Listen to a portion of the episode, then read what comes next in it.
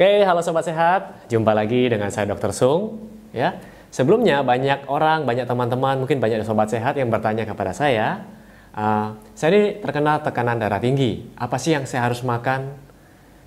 Ya, banyak orang mengatakan kepada saya, saya tidak boleh makan ini, saya tidak boleh makan itu, saya tidak boleh makan dan lain-lain. Tapi apa yang harus saya makan? Saya tidak tahu. Ya, jadi pada video kali ini saya akan membahas apa makanan dan suplemen terbaik untuk mengatasi atau untuk membantu mengatasi tekanan darah tinggi Anda.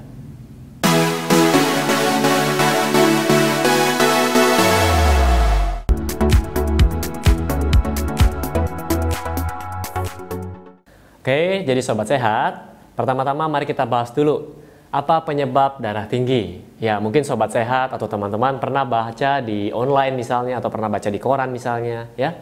Jadi penyebab darah tinggi yang Anda ketahui adalah yang kita ketahui misalnya mengkonsumsi garam dalam jumlah berlebihan atau stres, kegemukan misalnya atau pola hidup yang tidak baik, kurang aktivitas fisik, pola makan yang tidak baik, faktor usia misalnya atau faktor dari jenis kelamin misalnya ya.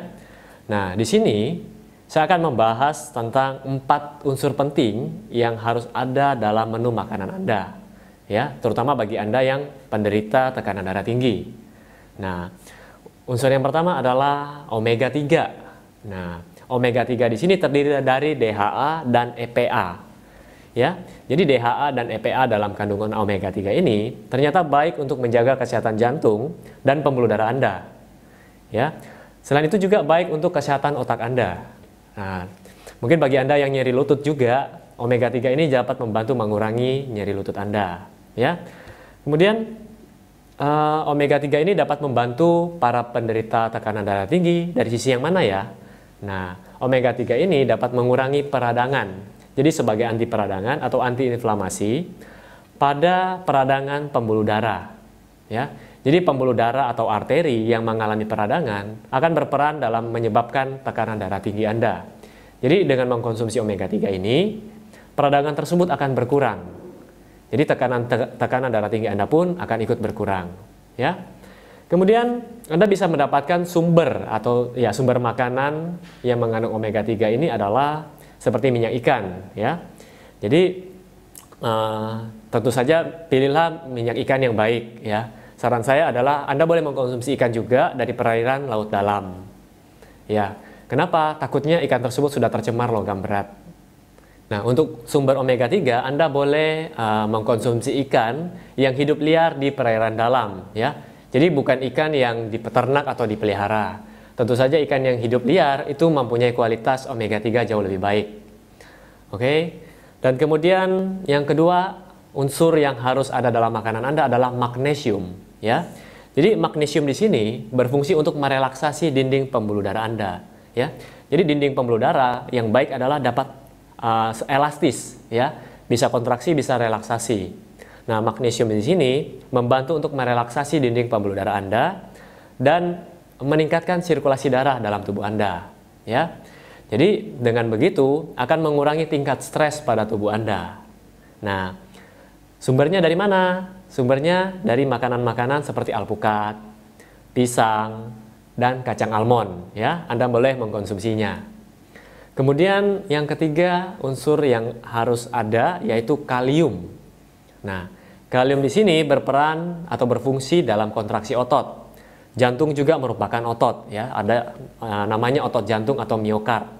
Nah, di sini kalium sangat berperan uh, bisa mengaktifkan impuls, uh, mengaktifkan impuls saraf dan mengatur detak atau denyut jantung Anda. Nah, di sini kalium sangat-sangat berperan. Oke. Kalium Anda bisa mendapatkannya dari bahan makanan seperti ubi jalar, uh, pisang, alpukat, dan sayur-sayuran hijau. Ya. Kemudian yang keempat adalah antioksidan. Di sini antioksidan yang saya maksudkan adalah uh, yang pertama koenzim Q10. Nah, antioksidan uh, koenzim Q10 ini dapat membantu kesehatan jantung Anda, dapat membantu kesehatan pembuluh darah Anda, juga kesehatan rangka dan otot Anda ya. Jadi koenzim Q10 ini sebenarnya tubuh kita dapat memproduksinya sendiri. Ya, koenzim Q10 ini dapat ditemukan pada semua sel di dalam tubuh Anda. Dan uh, koenzim Q10 ini berperan untuk melindungi sel-sel Anda dari kerusakan oleh molekul-molekul yang tidak baik dalam tanda kutip saya bisa bilang radikal bebas. Namun uh, penggunaan obat-obatan seperti obat kolesterol yang golongan statin atau obat-obatan diabetes dapat menurunkan produksi koenzim Q10 ini, dapat menurunkan efektivitas, dapat menurunkan kinerja dari Q10 ini, ya. Dan seiring bertambah usia juga, produksi Q10 dalam tubuh kita pun akan berkurang, ya. Di mana kita tahu Q10 ini sangat-sangat penting perannya dalam menghasilkan energi bagi tubuh kita. Ya, Oke, untuk Anda yang ingin mengkonsumsi Q10, Anda boleh uh, mendapatkan sumbernya dari uh, jantung, hati, ginjal, minyak kedelai, ya, dari kacang-kacangan juga, dari sarden. Tapi saran saya, sebaiknya Anda memilih hmm, sumber Q10 yang dalam tanda kutip rendah kolesterol. Jangan sampai anda uh, jangan sampai Anda mengejar jumlah Q10-nya, kolesterol Anda juga ikut naik, ya. Contohnya Anda mengkonsumsi jeroan seperti yang saya bilang. Oke, okay. selanjutnya, jadi selain empat uh, makanan atau empat unsur yang sangat penting ini, oh sorry, saya tambahkan satu lagi. Kemudian ada juga bawang putih, ya. Jadi di dalam bawang putih terdapat zat fitonutrisi uh, yang kita sebut dengan yang disebut alisin, ya. Jadi Uh, alisin ini juga berperan sebagai antioksidan yang dapat membantu kesehatan jantung Anda dan pembuluh darah Anda. Selain itu juga, bawang putih ini mempunyai khasiat sebagai antibakteri, antivirus, dan anti jamur. Ya. Tapi dengan mengkonsumsi bawang putih, uh, penyajiannya adalah dengan cara ditumbuk boleh atau dipotong halus kemudian Anda kunyah. Ya, bukan dengan digoreng.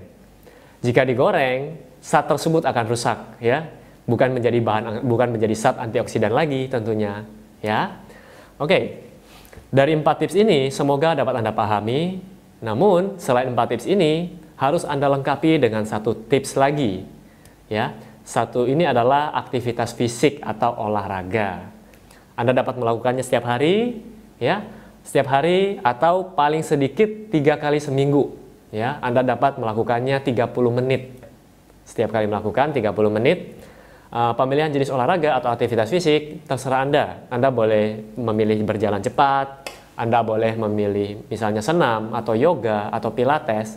Terserah Anda apa yang Anda sukai dan sesuaikan dengan kondisi fisik Anda, sesuaikan dengan usia Anda, ya.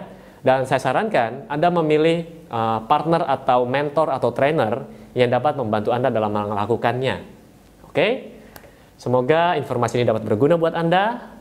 Jika yang menonton ini adalah anak-anak, mungkin Anda bisa share ke orang tua Anda, ya, terutama bagi orang tua Anda yang mempunyai tekanan darah tinggi. Anda boleh share ke teman-teman Anda. Semoga Anda semua dapat sehat selalu. Sampai jumpa di video saya selanjutnya. Salam hebat luar biasa.